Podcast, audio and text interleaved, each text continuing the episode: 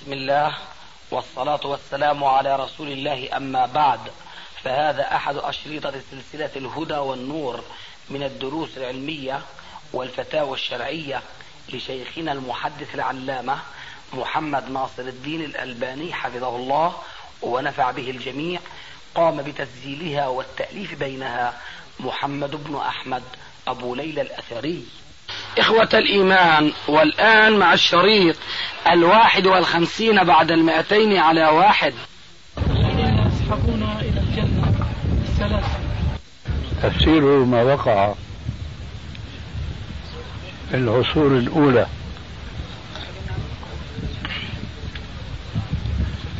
من مجيء المسلمين بكثير من الأسرى الكافرين. إلى بلاد المسلمين. وهم مغللون في الأصفاد. عبيدا أرقاء. فبعد أن يسترقوا وبسبب الاسترقاء وبسبب هذا الاسترقاق خدمتهم لأسيادهم ولمن يلوذ بهم.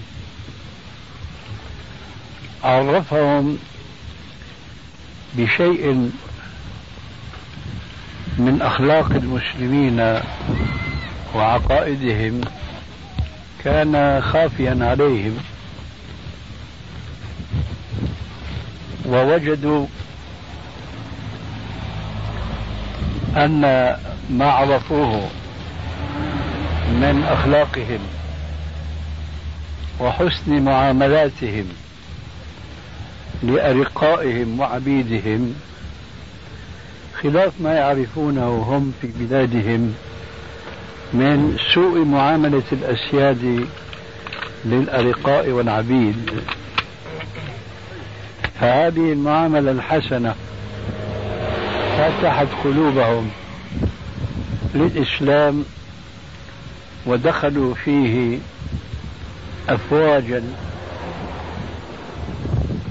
وصار الكثير منهم بسبب النظام الإسلامي الرائع الذي تفرد يومئذ بتشريع ما يعرف في كتب الحديث والفقه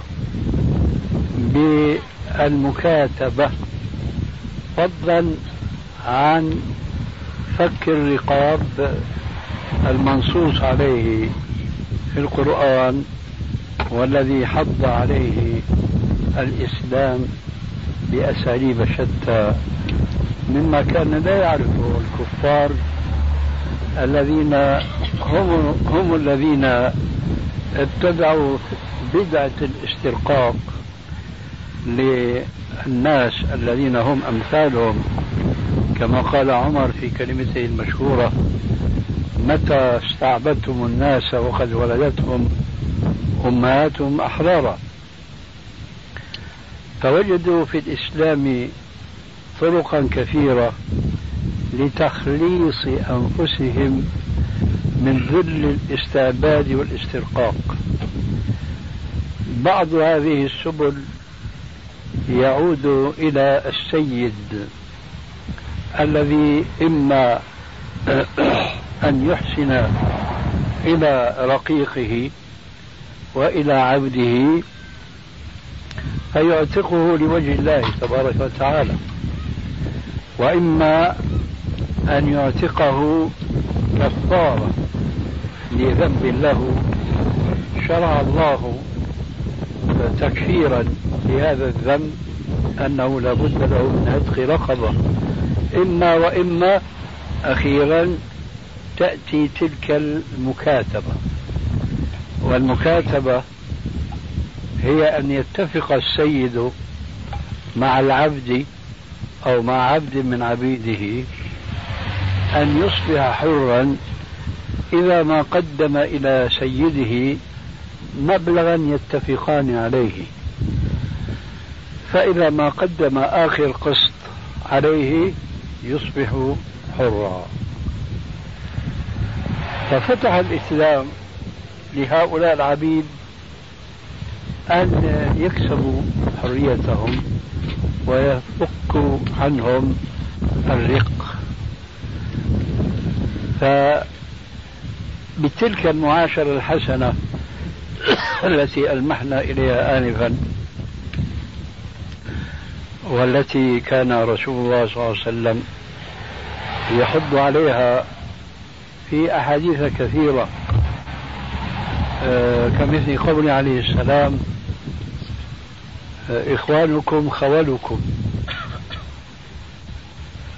كأنه سقط من ذهني عبارة. فأطعموهم مما تأكلون وألبسوهم مما تلبسون وهكذا. فوجدوا في الشرع الإسلامي ما جذبهم جذبا إلى الدخول في الإسلام بمحض اختيارهم ولذلك كان منهم من كبار العلماء والفقهاء. وحسبكم أن الإمام أبا حنيفة رحمه الله اللي هو أول الأئمة الأربعة المتبعين هو يعني أبوه من هؤلاء الأرقاء. فضلا عن مثل طاووس وأمثاله من كبار المحدثين هؤلاء يعجب ربك من أقوام يجرون إلى الجنة في السلاسل أي إنهم جيء بهم. كما قلنا مغللين أسرى فلما خالطوا المسلمين وتبين لهم الإسلام الحق آمنوا فدخلوا الجنة بسبب إيمانهم. فهم يدخلون الجنة. هذا هو معنى الحديث. إن ربك ليعجب من أقوام يجرون إلى الجنة في السلاسل. أي إلى الإسلام الذي يأخذ بهم إلى الجنة. وقد جيء بهم من قبل في السلاسل وهذه حقيقة يشهد بها التاريخ الصحيح. فكم وكم من مولى من الموالي أي من هؤلاء العبيد الذين أعتقهم أسيادهم أو عتقوا أنفسهم بالمكاتبة. كم كم من هؤلاء أصبحوا من كبار العلماء الذين نحن الآن نستفيد العلم منهم. وهم كانوا أسرى جيء بهم مغللين.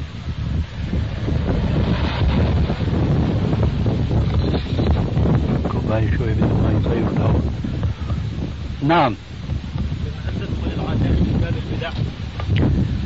لا. العادات تدخل في عموم قوله عليه السلام أنتم أعلم بأمور دنياكم فإذا كانت العادة لا تخالف الشريعة فلك الخيار إما أن تفعلها أو تدعها وإنما جاء عليه السلام لتحقيق ما قاله تعالى في القرآن اليوم أكملت لكم دينكم وأتممت عليكم نعمتي ورضيت لكم الإسلام دينا. فهو جاء للقيام بوظيفة بيان الدين. أما الدنيا فهي كما ترون في كل يوم شيء جديد.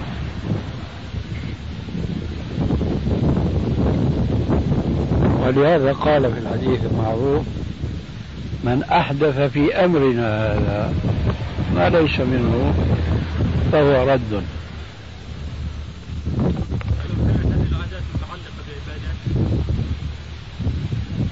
ولو كانت هذه العادات متعلقة بالعبادات يمكن أن تعني ولو كانت توهم أنها من العبادات توهم. أما على حسب ظاهر كلامك. تقدر تضرب مثال. مثلا في كثيرة مثلا في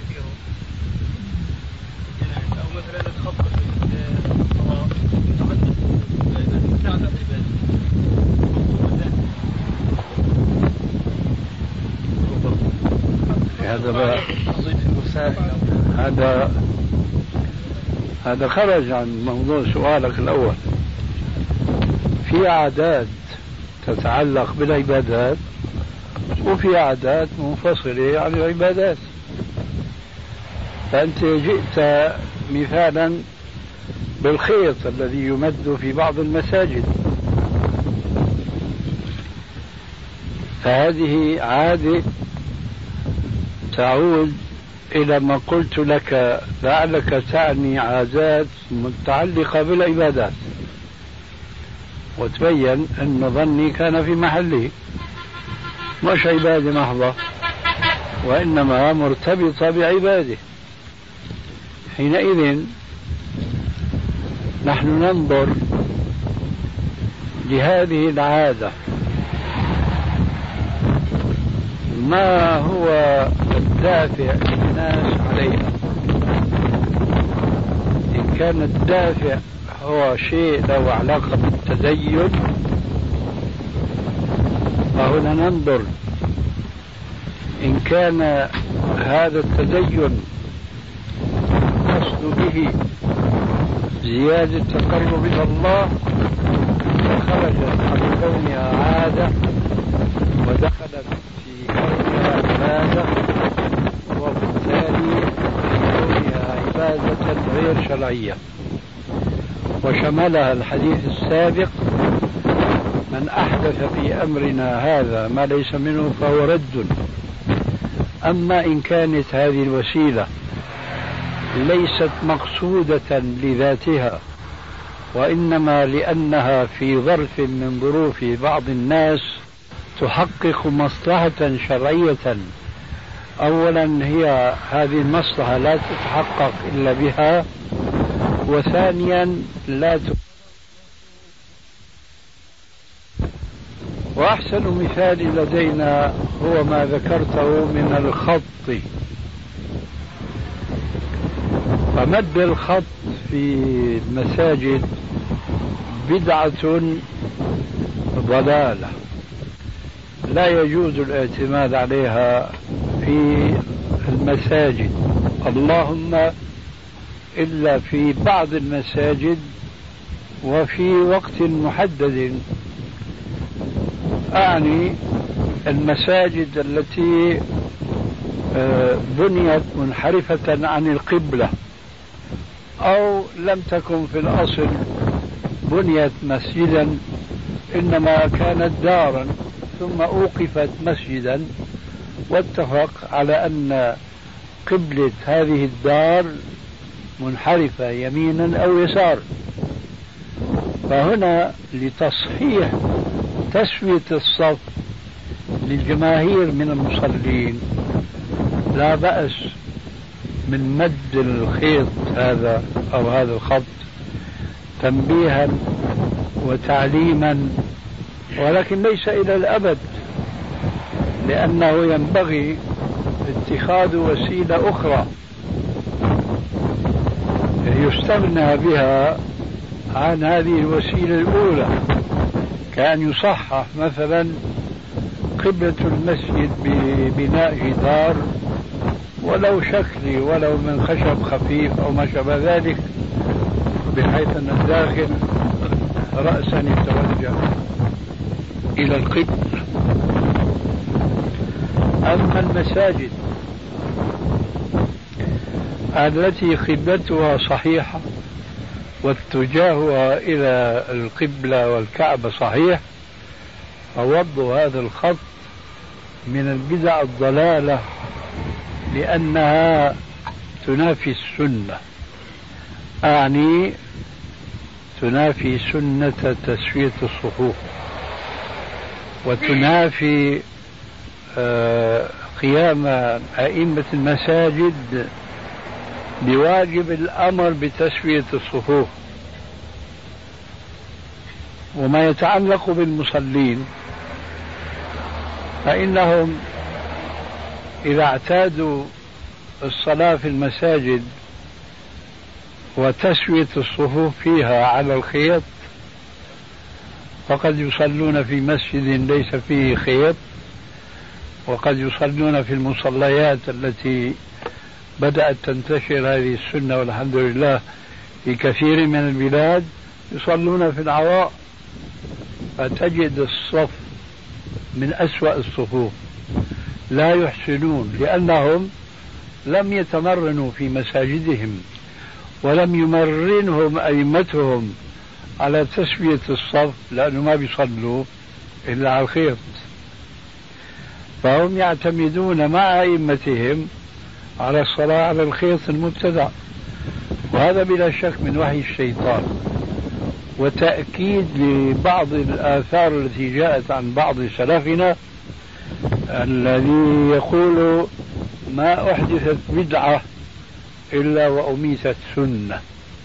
هذه حقيقة المس ولمس اليد. ما أحدثت بدعة إلا وأميتت سنة. وهذا هو المثال بين أيديكم. مد الخط في المسجد مشان ما واحد يقول للثاني أخي تقدم متأخر حتى يصبح الصف مستقيما تماما. كما كان الرسول عليه السلام يفعل.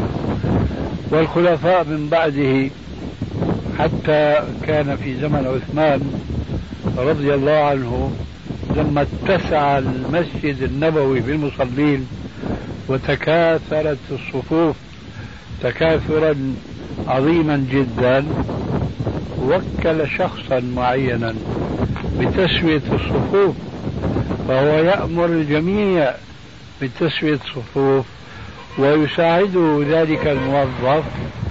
فلا يقول الله أكبر إلا بعد أن يسمع من المسوي للصفوف بأن الصفوف قد استوت. هذه السنن قد ألغيت منذ زمن بعيد ثم وجدت الآن الوسائل الميسرة لمد الخط في المساجد وتفننوا فيها وصاروا يطبعوا السجاجيد بخط أبيض. ما في حاجة لمد خط من أول المسجد إلى آخره. هذا كله تعطيل لأمر تسوية الصفوف الذي كان الرسول عليه السلام يبالغ في الحض على تسويتها إلى درجة أنه كان يقول لتسون صفوفكم أو ليخالفن الله بين وجوهكم. سووا صفوفكم فإن تسوية الصفوف من حسن الصلاة في رواية الأخرى من تمام الصلاة. ومع صحة هذه الأحاديث بالمناسبة أقول قد أهدرها الأئمة لأن الإمامة والتأذين اليوم ككل الوظائف الدينية أصبحت كسائر الوظائف الحكومية. وظيفة يؤديها الموظف لا يقصد بها وجه الله. ولا يبتغي بها مرضاة وجه الله تبارك وتعالى. فالإمام بده يخلص من هالوظيفة كإنسان حامل الحمل على كتافه بده يرميه أرضا. بينما الإمام ما شاء الله ربنا هيأ له جو آه، يكتسب بواسطته ألوف الحسنات ليلا نهارا. من سن في الإسلام سنة حسنة فله أجرها وأجر من عمل بها إلى يوم القيامة دون أن ينقص من أجورهم شيء فهذا الإمام كلما دل أحد المصلين على سنة أو على حكم شرعي فاهتدى به المصلي كلما فعله كتب أجره لذلك الذي أرشده. لكن ما فيه رغبة في مثل هذه الأجور الآجلة بقدر ما عندهم من الرغبة في الأجور العاجلة. لذلك فإمام المسجد لا يكاد تقام الصلاة إلا بيقول الله أكبر. لا يأمر الناس بتسوية الصلاة. بمثل هذين الحديثين صحيحين ونحوهما. وإن سمعت فلا تسمعن حديثا لا أصل له. استووا. إن الله لا ينظر إلى الصف الأعوج. حديث لا أصل له. بعين الرحمة. الميت ما يستحق العزاء. هذا حديث لا أصل له في كتب السنة إطلاقا. ويعجب الإنسان كيف تشيع هذه الأحاديث. هذه عندنا في في الشام في سوريا مشهور هذا الحديث. وجئت هنا وسمعته أيضا وهكذا. فالأحاديث الصحيحة أماتوها والأحاديث التي لا أصل لها أحيوها.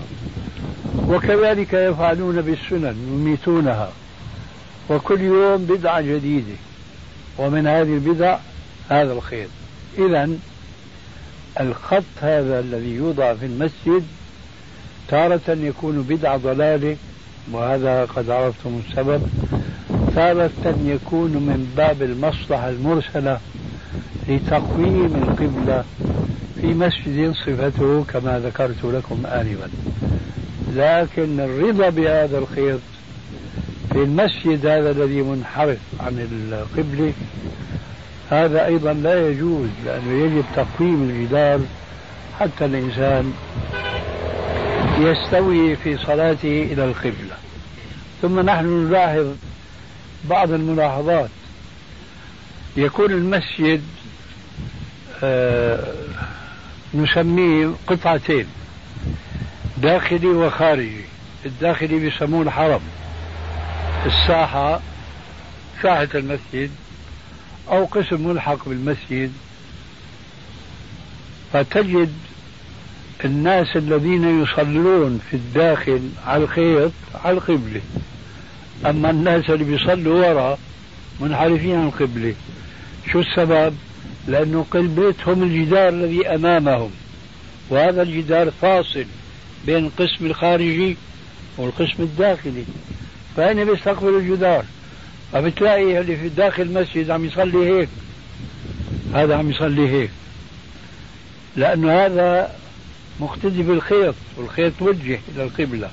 هذا مقتدي بالجدار اللي هو الجدار متأخر عن جدار القبلة سبب غفلة الناس وعدم انتباههم واعتمادهم على وسائل مادية مش خارجة من العقل ولا من اللب والقلب. أظن أنك عرفت أن المثال الذي أتيت به قد يكون تارة وسيلة شرعية في وقت محدد وحينئذ يدخل في باب المصالح المرسلة. وتارة يكون من باب البدعة الضلالة التي اتفق العلماء على الحكم عليها ببدعيتها لأنهم إن اختلفوا في كون هل يوجد في الإسلام بدعة حسنة أم لا؟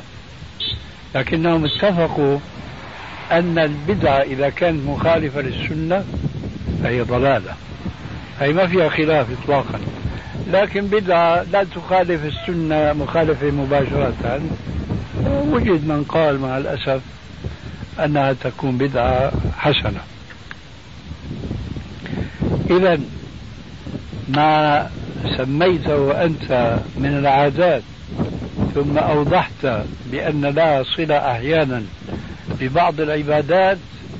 هذه قد تدخل في باب المصالح المرسلة فتكون جائزة ولا تدخل فتكون بدعة ضلالة. يا الله يا كريم. تفضل. في الأيام الأخيرة كثر الكلام عن لباس المرأة الشرعي. عن؟ عن لباس المرأة الشرعي في طبعا في الجرائد. ونقطة اختلاف عن غطاء الوجه. هل هو صحيح أم بدون غطاء جائز؟ عفوا أنا قل ما يتاح لي الاطلاع على الجرائد. فما هو الخلاصة التي قرأتها في الجرائد؟ هناك وجهتين نظر. وجهة نظر أن غطاء الرأس مع الجلباب وكشف الوجه واليدين جائز مع إثبات أحاديث. والطرف الآخر بقول إن لا لازم تغطي وجهها في شيء ثابت. هذا هذا شيء جديد هذا شيء قديم. ظننت إنه شيء جديد. في شيء جديد. إنه واحد كاتب مقال إنه النقاب بدعة. آه. آه يعني هذا اللي أثار وجعل ال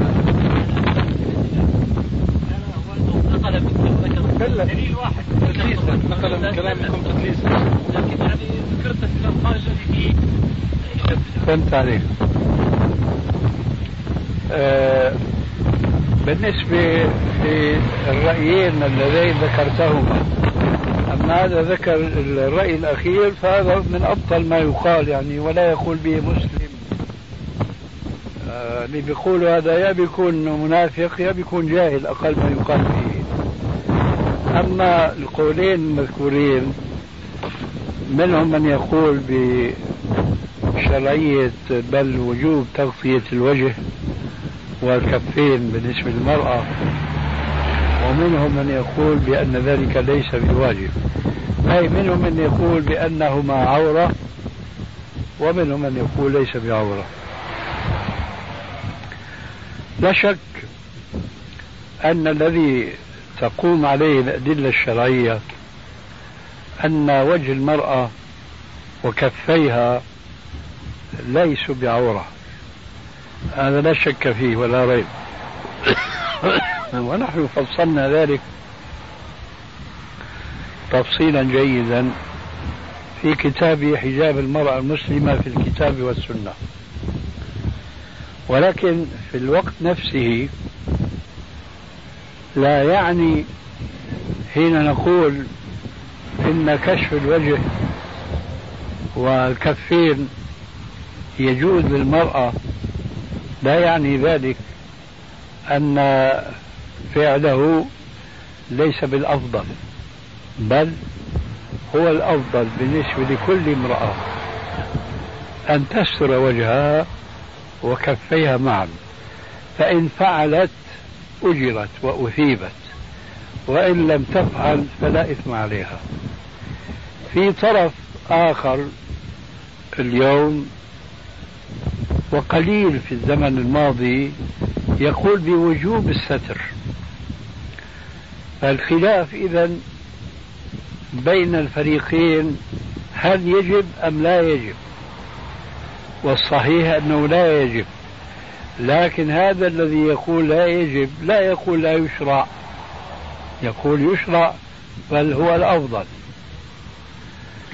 أما هذا الناشئ الجديد هذا اللي نقلوا الأخوان أنه يقول لا يجوز للمرأة أن تغطي وجهها هذا بلا شك يعني رجل إما جاهل أو صاحب هوى مغرض.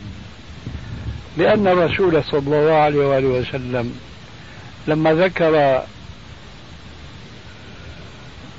في مناسبة تعليمه لمناسك الحج وهو في المدينة قبل أن يخرج في حجة الوداع قام فيهم خطيبا. فقال لهم في جملة ما قال آه المحرم لا يلبس القميص ولا الجبة ولا العمامة ولا الخفين فإن لم يجد الخفين فإن لم يجد النعلين فليقطع أسفل الخفين حتى يصير كالنعلين. ولا تنتقب المرأة المحرمة ولا تلبس القفازين. الرسول عليه السلام في هذا الحديث يشير إلى أمر كان عنده معروفا وينفيه شرعا. الأمر الذي يشير إليه أن المرأة كانت تنتقد وكانت تلبس القفازين. فخشية أن خشية أن تنتقب المرأة المحرمة وتلبس القفازين.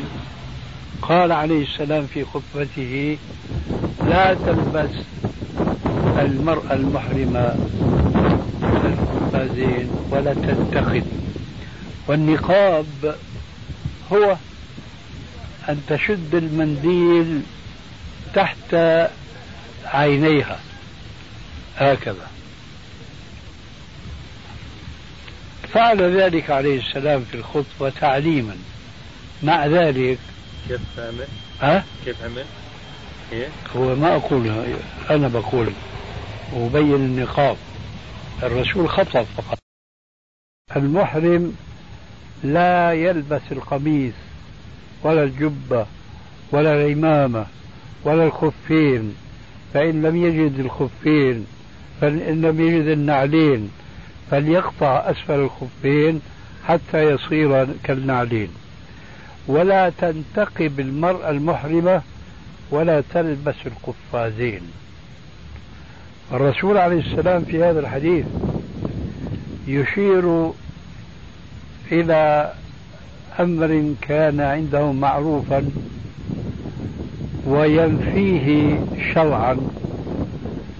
الأمر الذي يشير إليه أن المرأة كانت تنتقب وكانت تلبس القفازين. فخشية أن خشية أن تنتقب المرأة المحرمة وتلبس القفازين قال عليه السلام في خطبته لا تلبس المرأة المحرمة القفازين ولا تنتقب والنقاب هو أن تشد المنديل تحت عينيها هكذا فعل ذلك عليه السلام في الخطبة تعليما مع ذلك كيف عمل؟ ها؟ كيف عمل؟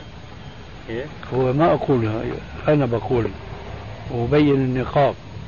الرسول خطب فقط. قال لا تنتخب المرأة المحرمة ولا تلبس القفازين. ما هو النقاب؟ هو شد المنديل هكذا على الأنف تحت العينين. خطب الرسول هذه الخطبة تعليما ولكي لا تقع المرأة المحرمة في مخالفة شرعية. نحن حججنا والحمد لله كثيرا واعتمرنا أكثر فكنا نرى الحاجات العربيات الحجازيات والنجديات يحججن ويعتمرن وهن متنقبات. هذا خلاف الحديث. لماذا؟ لأن العلماء لا يقومون بواجبهم. هذا الشيء الصريح في الحديث أما الإشارة فهي واضحة. أنه أنتم أيتها النسوة من عادتكن أن تنتقبن وأن تلبسن القفازين. إياكن أن تفعلن ذلك في الحج أو في العمرة. إذا الرسول في هذا الحديث أقر النقاب وأقر تغطية الكفين. غير الأدلة الكثيرة والكثيرة جدا التي فيها إخبار عن الحياة الاجتماعية التي كانت النساء المسلمات يحيينها يومئذ أي كنا تنتقب النساء بلا شك. ادعاء أن النقاب لا يجوز هذا في الحقيقة من أخطر ما يتجرى بعض الناس اليوم أن يقولوا خلاف ما عليه إجماع المسلمين. والمسلمون مجمعون على أن تغطية المرأة لوجهها أفضل لكنهم اختلفوا. هل هذا الأفضل حكم واجب أم هو في حدود المستحب؟ نحن نرى الاستحباب وقليل من الناس اليوم يرون الوجوب. هذا جواب ما سألت ولعلك أخذت. طيب. دكتور مصري شيخ في دكتور مصري مؤلف كتاب ينشر في جريدة النور المصرية على حلقات اسمه تذكير الأصحاب بتحريم النقاب. أعوذ بالله. اي والله. وينشروا عاملين سناء وكذا إيش عجيب جدا. لكن يعني جهالات إيش من أدلته يعني؟ إنه لو أن مجرما قتل قتيلا وانتقب وكذا كيف يمسك؟ هذا يدل على تحريم. إيش سبحان الله العظيم. نعم. إيش؟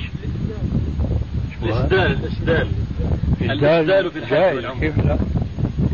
المرأة في الحج لا يجوز لها أن تنتقم لكن إذا كانت غيورة على نفسها ويعز عليها أن يرى الرجال وجهها فلها أن تسدل الخمار أو الجلباب على وجهها. تعمل هيك مثلا؟ وليس يجوز لها أن تشد المنديل لما سبق من الحديث. ولذلك كانت أسماء بنت أبي بكر رضي الله عنها تقول أنه كانوا إذا حجوا وهن على جمال فمر بهن ركب من الرجال أسدلوا أسدلنا على وجوهنا. سدل فالسدل غير النقاب. وهذا مخرج للمرأة المحشومة الحيية أن تستر وجهها بطريق الإسدال لثوبها على وجهها وليس الشد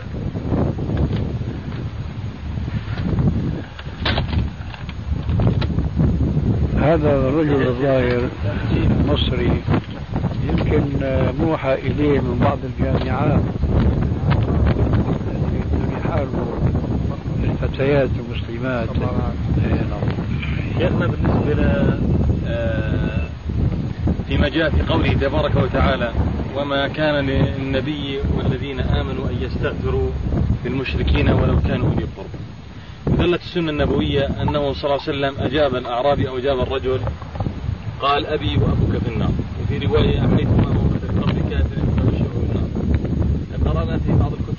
الكتب أو تبنى هذا اللي بدي أقوله بعض إخواننا اللي بنشهد لهم بهذا بالالتزام.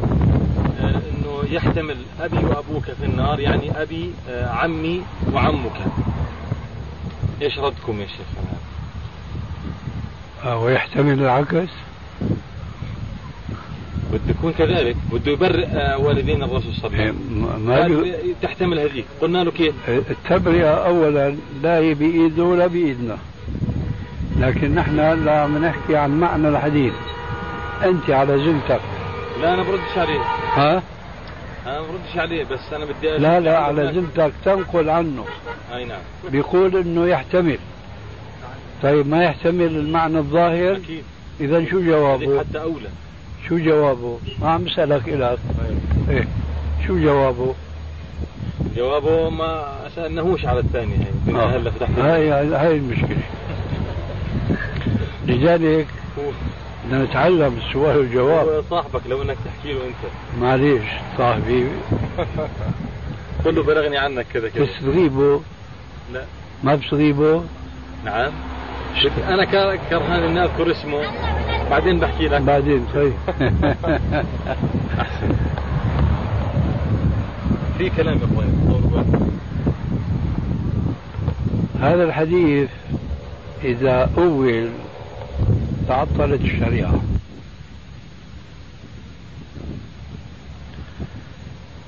هذا اولا.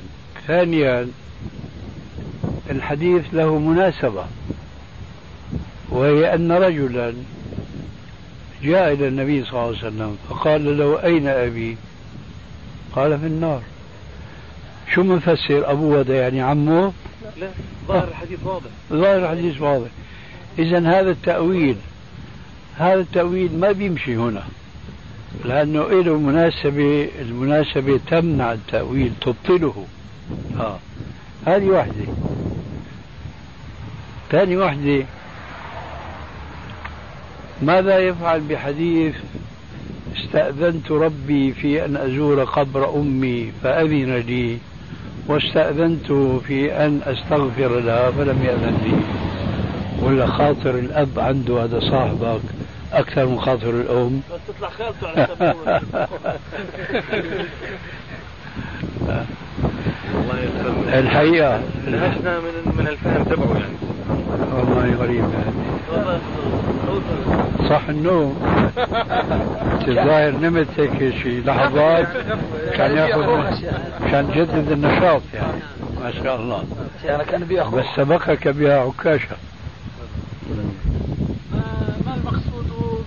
الساعة في الحديث من جاء من جاء في الساعة الأولى فكأنما قدم بدنه هي الساعة الزمنية.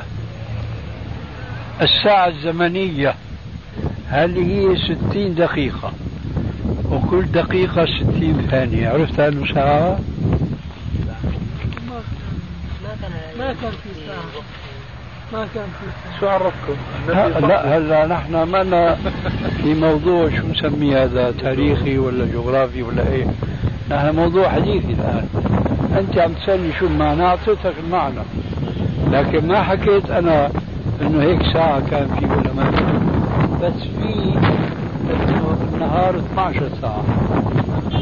النهار اليوم في 12 ساعة. تعرفها ولا لا؟ لا؟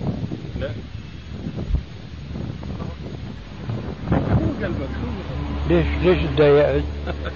أنا تضايقت من تبايخك شو قلبك؟ كيلو في الله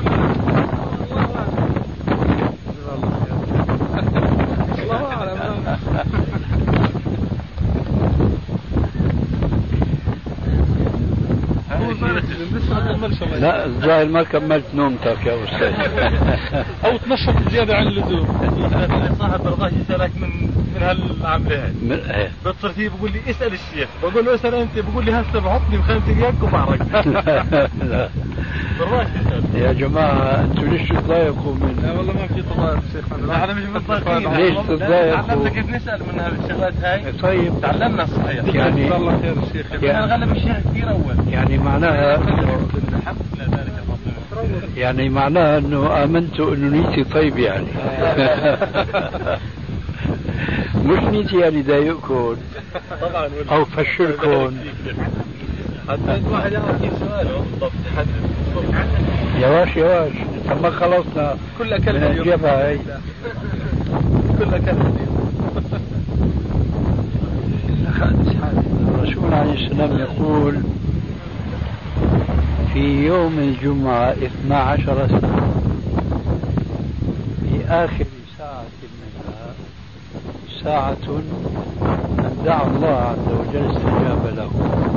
والحديث في سنن النسائي من رواية جابر بن عبد الله الأنصاري. فتقسيم اليوم والليلة إلى 24 ساعة. هذا التقسيم قديم.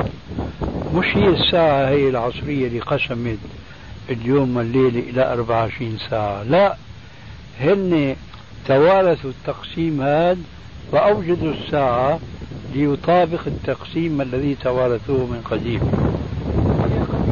قديما 12 ساعة في النهار. آه.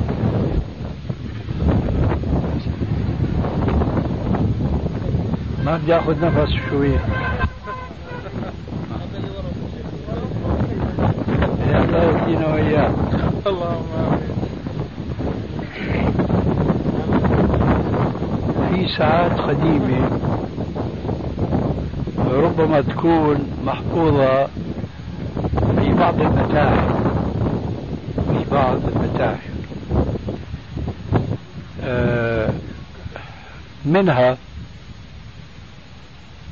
والدي رحمه الله كان له عناية.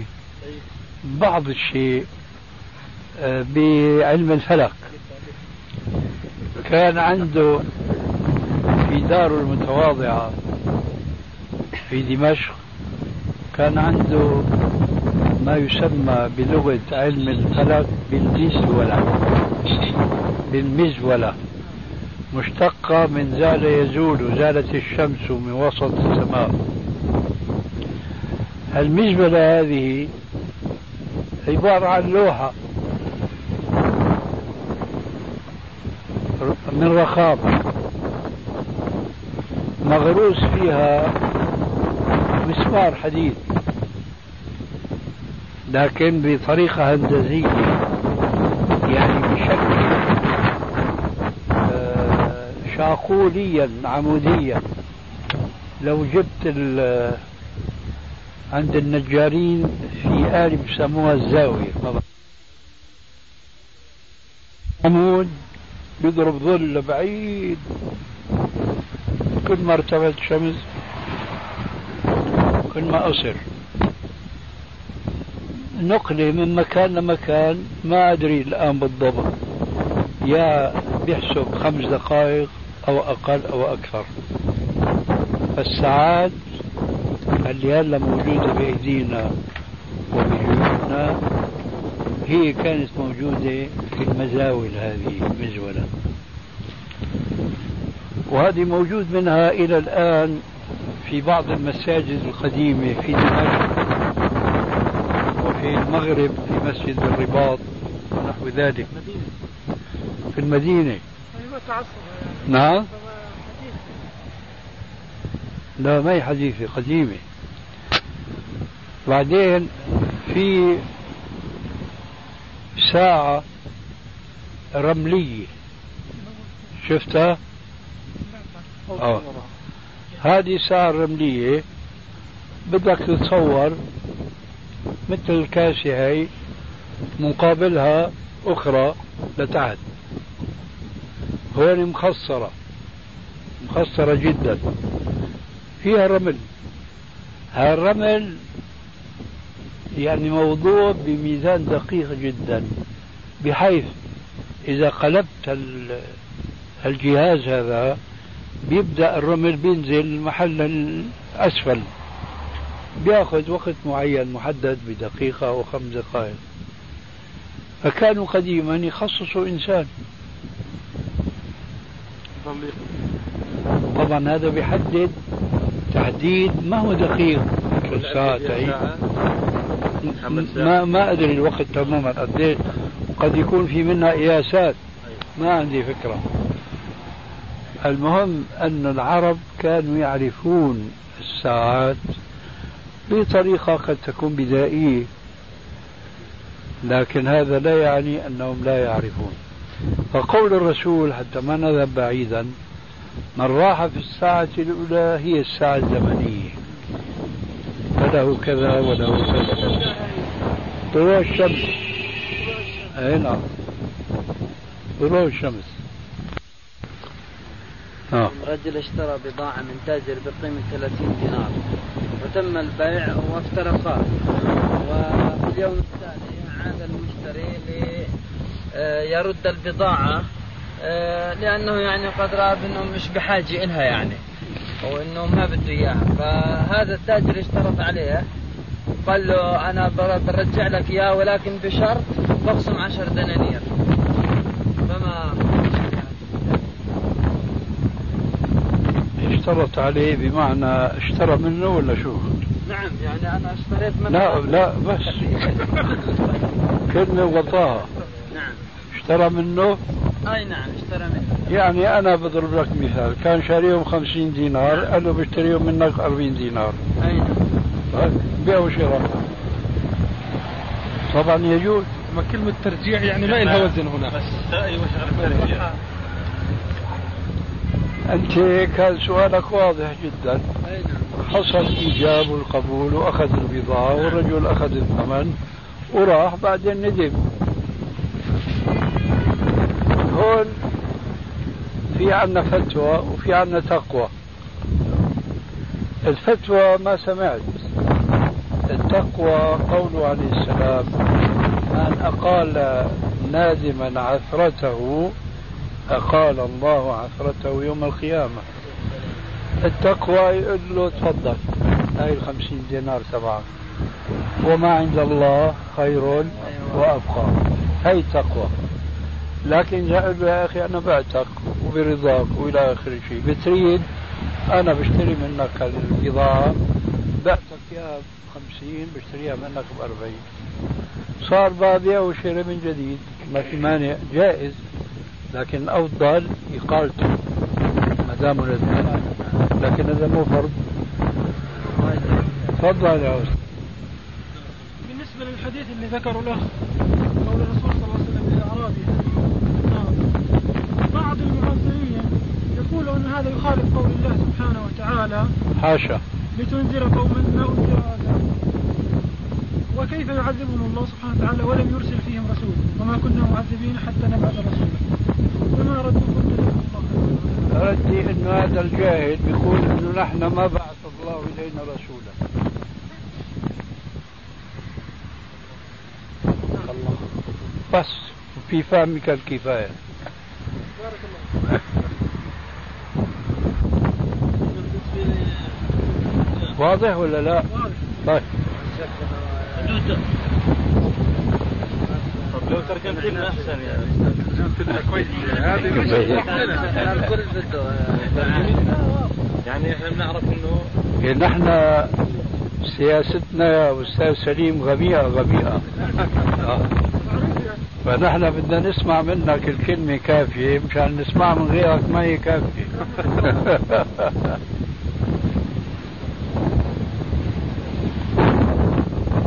هذه غفلة متناهية. انه بيقولوا أنه هذا الحديث وأمثاله خالف القرآن.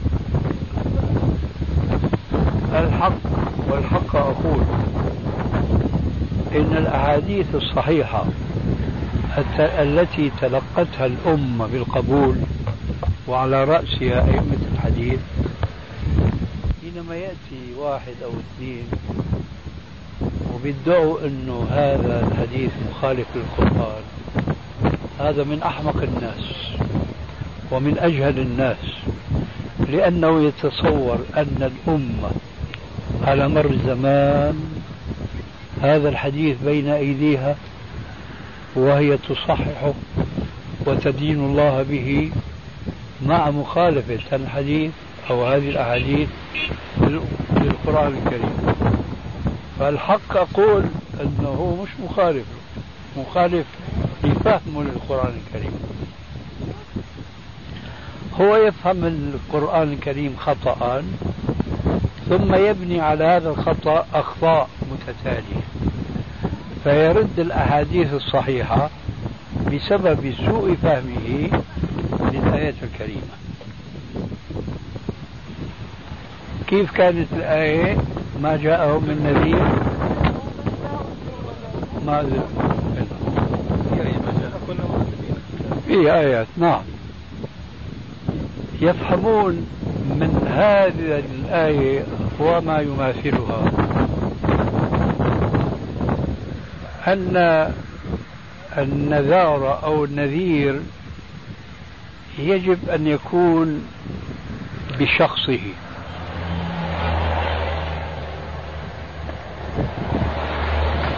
في كل ما تقوم الحجة به على عباده تبارك وتعالى. وليس الأمر كذلك.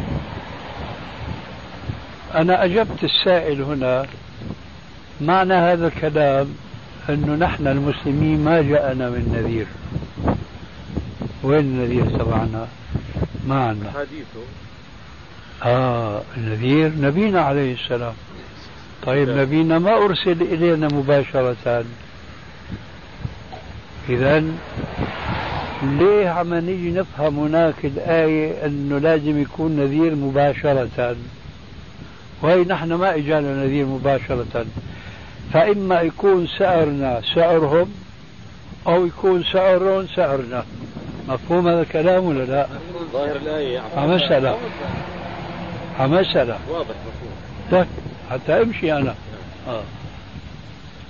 فإذا كان نحن نقدر نقول ما إجانا من نذير وبنقدر نقول إجانا نذير. صح؟ آه. كيف نجمع بين التعبيرين؟ ما إجانا نذير وإجانا نذير. ما إجانا نذير مباشرة لكن جاءنا نذير أي دعوته وصلت إلينا.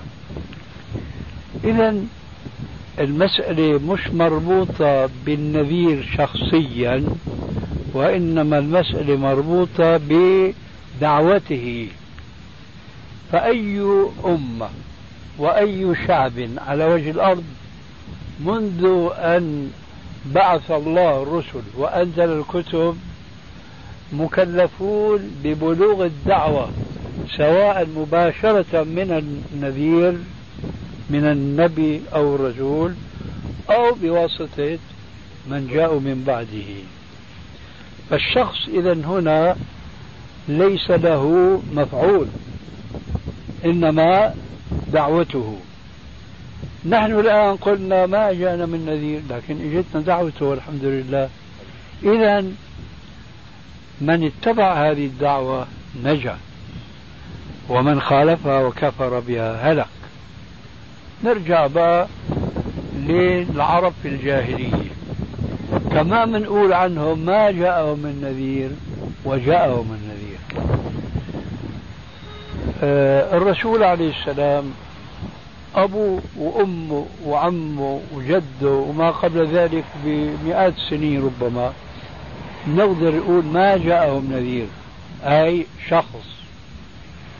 لكن ما بنقدر ننفي أنهم جاءهم نذير بالمعنى الثاني يعني الدعوة. والدليل على ذلك وجود المسجد الحرام وكعبة الله في عقر دار الحجاز وهي مكة ومحافظتهم على الطواف حول الكعبة وعلى بعض المناسك التي توارثوها عن إبراهيم وعن إسماعيل. وقوله تعالى في القرآن وإذ يرفع إبراهيم القواعد من البيت وإسماعيل ربنا تقبل منا. لمين هذا الرفع لأي قوم؟ هم العرب. فإذا العرب ما منقول نحن ما جاءهم من نذير.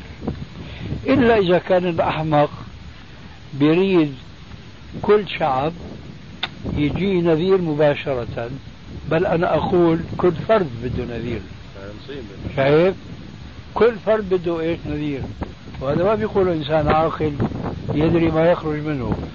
ما بتتصوروا أنتم أنه النذير اللي بعث في مكة ما بتتصوروا أنه يكون هناك أشخاص ما سمعوا بالدعوة مطلقا؟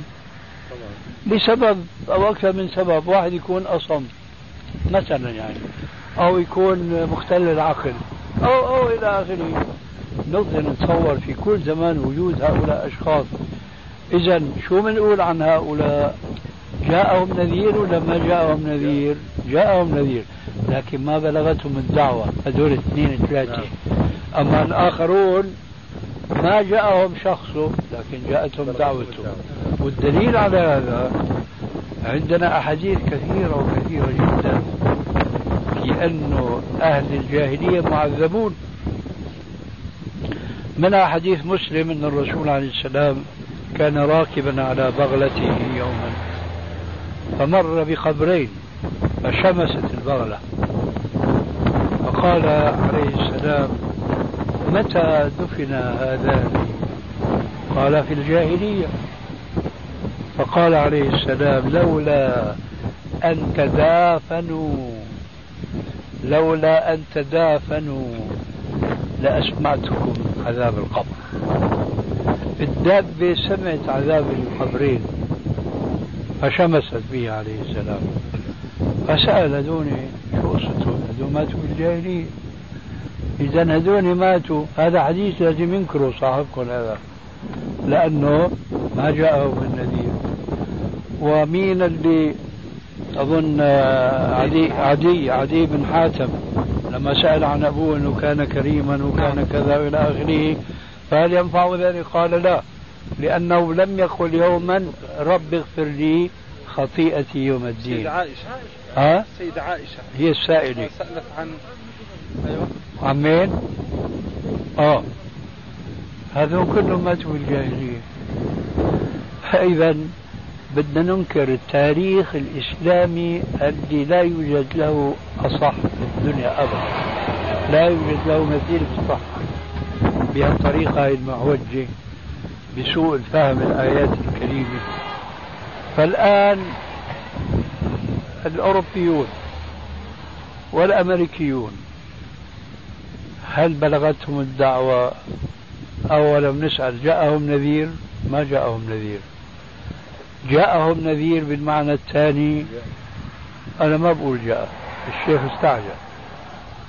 أنا ما بقول جاء وكمان تعلم مني ولا بقول ما جاء. أعطي بالك. لا بقول جاء. إخوة الإيمان تتمة الكلام في الشريط التالي. وقعت بيني وبين أحد المشايخ أول ذهابي إلى المدينة أستاذا في الجامعة. ليلة سهرانين هناك مجلس عامر بالمشايخ أساتذة الجامعة. أثير هذا الموضوع. فادعى أحدهم لكن في فرق بينك وبينه. إنه هو أستاذ وأنت مالك أستاذ. شايف؟ آه. وفائدة ثانية هذا أهم كثير أنه هو ما كان مستعجل مثل حكايتك آه هو كان يعني ثابت. قال جاءتهم الدعوة يا أخي. هي الإذاعات العربية واصل الدنيا كلها. هاي القرآن يتلى ليلا نهارا. فتبسمت في وجهي ضاحكا. قلت له يا أستاذ إيه هذا القرآن؟ ما بدك مين يفهمه. العرب ما عندهم استطاعة يفهموه. والله أنا عاجب. شو بيعرفون البريطان والألمان وإلى آخره؟ أنه لقد كفر الذين قالوا إن الله ثالث ثلاثة. ما يفهموا شيء. صار نقاش طويل طويل جدا حول الموضوع الشاهد حتى الإنسان